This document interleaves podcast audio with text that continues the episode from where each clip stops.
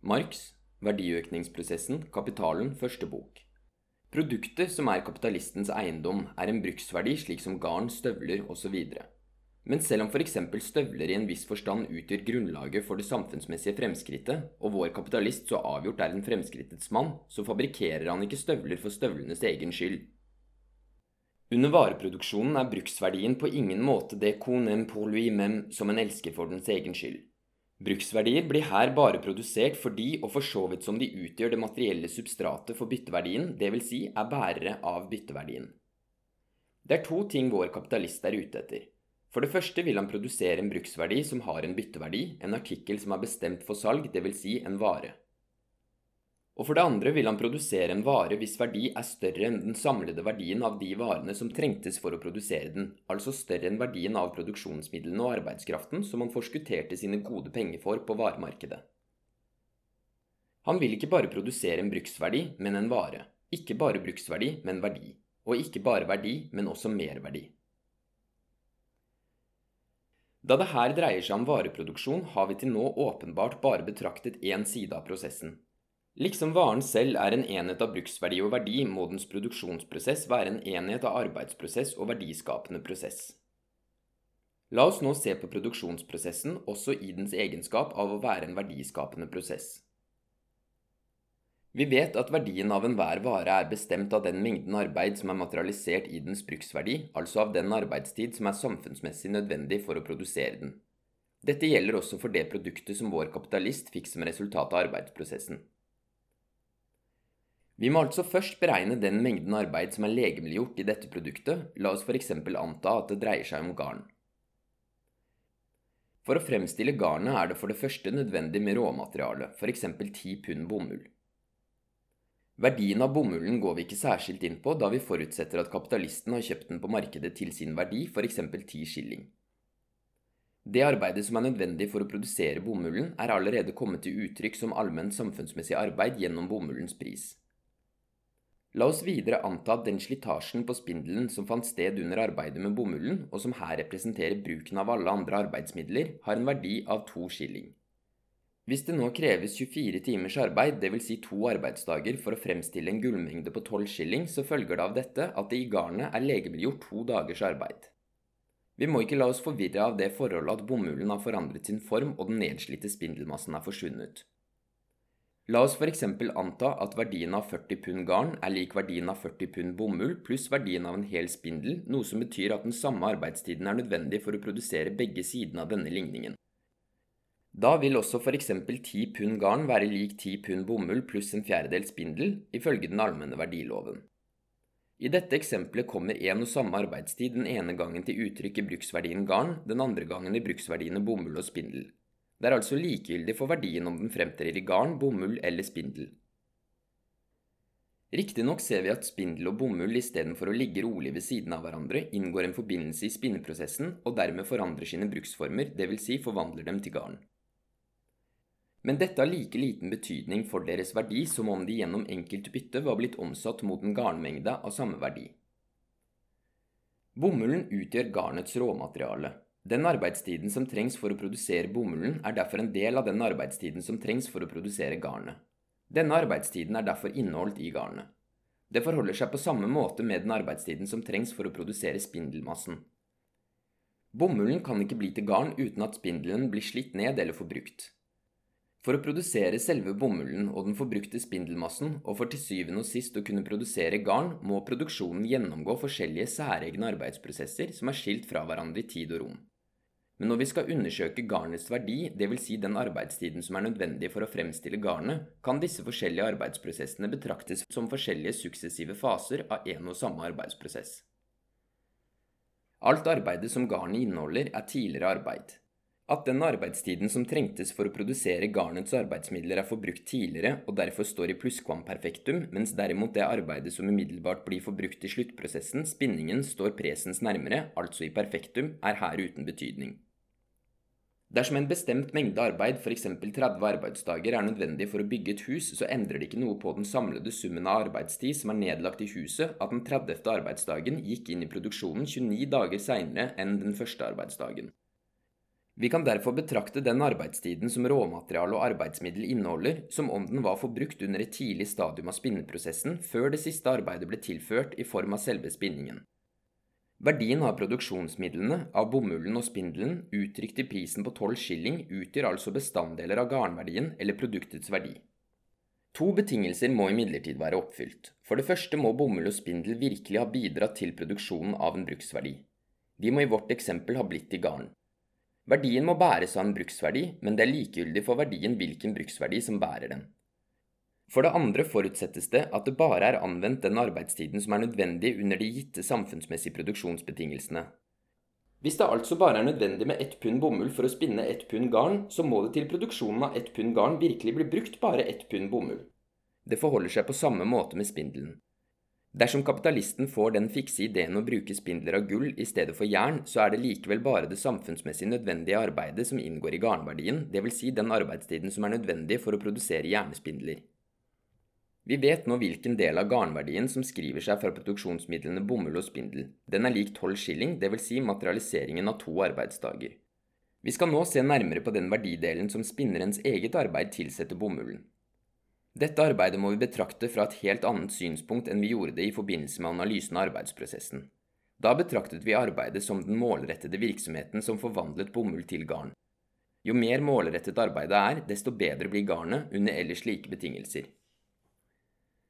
Spinnerens arbeid var spesifikt forskjellig fra andre produktive arbeider. Denne forskjellen viste seg både subjektivt i spinningens særegne mål og objektivt i hans særegne arbeidsmåte, i produksjonsmidlenes særegne slag og i produktets særegne bruksverdi. Bomull og spindel er uunnværlige i spinnearbeidet, men en kan ikke lage riflede kanoner med slikt materiale. Om vi derimot ser på spinnerens arbeid for så vidt det er verdiskapende, dvs. Si som kilde til verdi, er dette arbeidet slett ikke forskjellig fra kanonborerens arbeid, eller, for å ta noe mer nærliggende, fra det arbeidet som bomullsdyrkeren og spindelmakeren har utført, og som er virkeliggjort i garnets produksjonsmidler. Bare fordi bomullsdyrking, spindelproduksjon og spinning her blir betraktet som identiske arbeider, kan de inngå som rent kvantitative forskjellige deler av den samme totalverdien av garnverdien. Her dreier det seg ikke lenger om kvaliteten av arbeidet, om arbeidets beskaffenhet og innhold, men bare om dets kvantitet. Denne lar seg ganske enkelt beregne. Vi antar at spinnearbeid er enkelt, samfunnsmessig gjennomsnittsarbeid. Vi skal se senere at det ikke forandrer noe på saken om vi antar det motsatte. Under arbeidsprosessen forandrer arbeidet seg hele tiden fra uroens form til stillstandens form, fra bevegelsens form til legemliggjort form. Ved slutten av én time er spinnebevegelsen uttrykt i et visst kvantum garn. Et bestemt kvantum arbeid, en arbeidstime, er altså legemiddelgjort i bomullen. Vi anvender uttrykket arbeidstime, dvs. Si forbruk av spinnerens livskraft i én time, fordi vi her bare betrakter spinnarbeidet for så vidt det er forbruk av arbeidskraft, ikke for så vidt det er spesifikt spinnearbeid. I denne prosessen, mens bomullen blir forvandlet til garn, er det nå av avgjørende betydning at det ikke blir anvendt mer arbeidstid enn den som er samfunnsmessig nødvendig.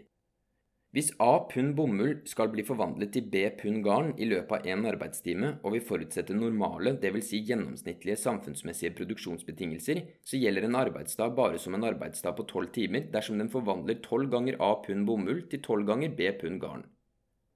Det er nemlig bare den samfunnsmessig nødvendige arbeidstiden som gjelder som verdiskapende.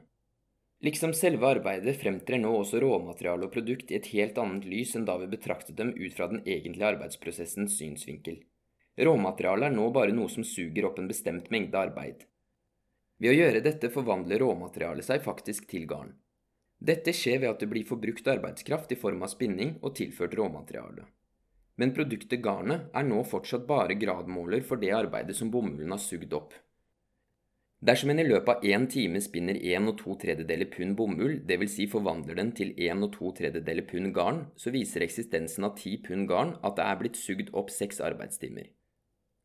Bestemte mengder av produkter, mengder som blir fastsatt gjennom erfaring, representerer nå ikke noe annet enn bestemte mengder arbeid, en bestemt masse forsteinet arbeidstid.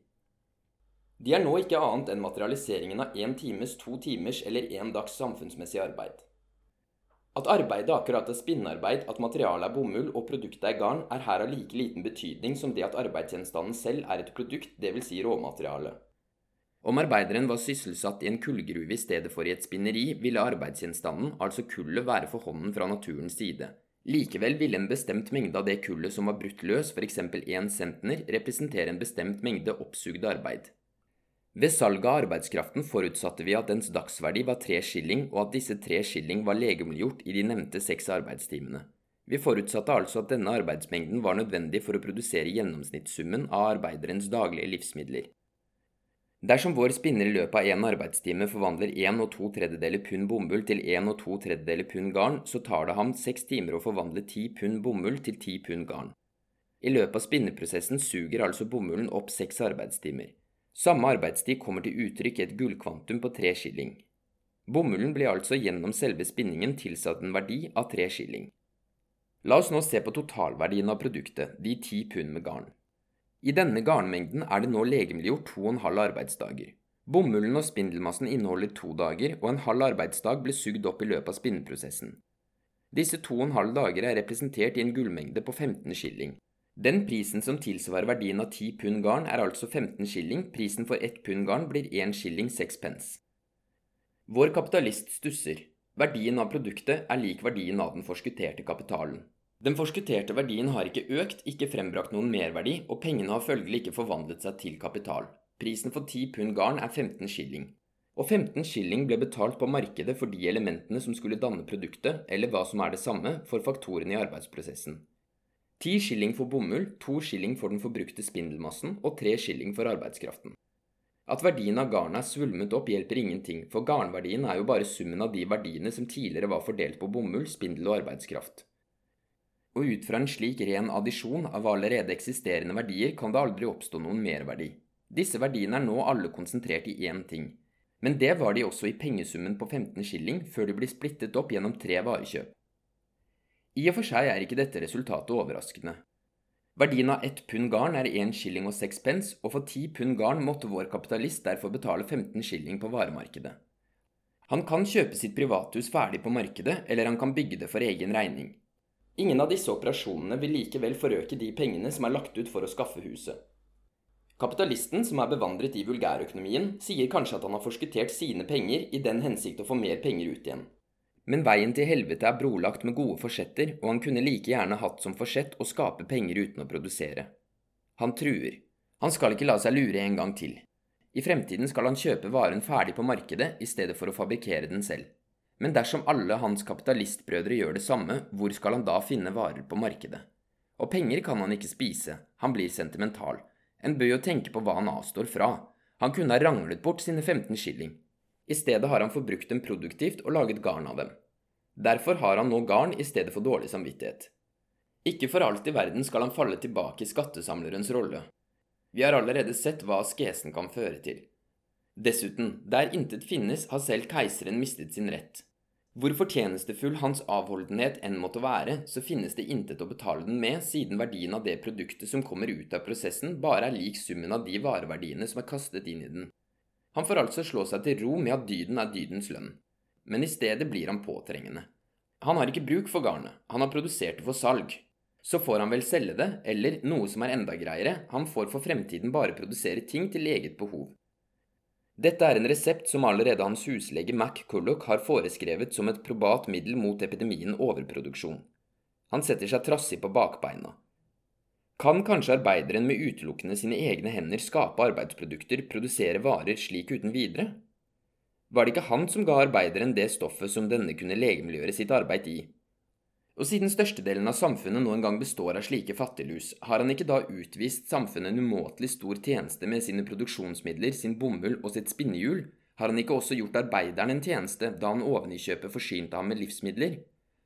Og skal han ikke ta seg betalt for tjenesten? Men arbeideren, har ikke han på sin side ytt kapitalisten en gjentjeneste ved å forvandle bomull og spinnehjul til garn? Her er det dessuten ikke spørsmål om tjenester. En tjeneste er ikke noe annet enn den nyttige virkningen av en bruksverdi, enten den er en vare eller den er arbeid. Her dreier det seg imidlertid om bytteverdien. Han betalte arbeideren en verdi av tre skilling. Arbeideren ga ham en nøyaktig ekvivalent tilbake gjennom den verdien på tre skilling som han tilførte bomullen. Verdi mot verdi. Vår venn som nettopp var overmodig på grunn av sin kapital, inntar plutselig sin egen arbeiders beskjedne holdning. Har han ikke selv arbeidet, har han ikke utført arbeidet med å overvåke og kontrollere spinneren? Skaper ikke dette arbeidet også verdi? Hans egen formann, overlooker, og hans direktør, manager, trekker på skuldrene. I mellomtiden har han allerede med en lystig latter antatt sitt gamle ansiktsuttrykk igjen. Han har holdt oss for narr med hele litaniet. Han bryr seg ikke en døyt om det. Han overlater disse og lignende dårlige bortforklaringer og hule flauser til professorene i politisk økonomi som er betalt nettopp for slikt. Selv er han en praktisk mann, som riktignok ikke alltid tenker over hva han gjør utenfor sine forretninger, men som alltid vet hva han gjør i forretningene. La oss undersøke dette nærmere.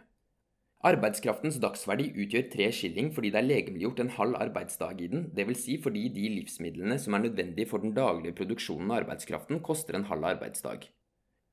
Men det tidligere arbeidet som er nedlagt i arbeidskraften, og det levende arbeidet som den kan nyte, de daglige kostnadene for dens vedlikehold og dens daglige forbruk, er to helt forskjellige størrelser.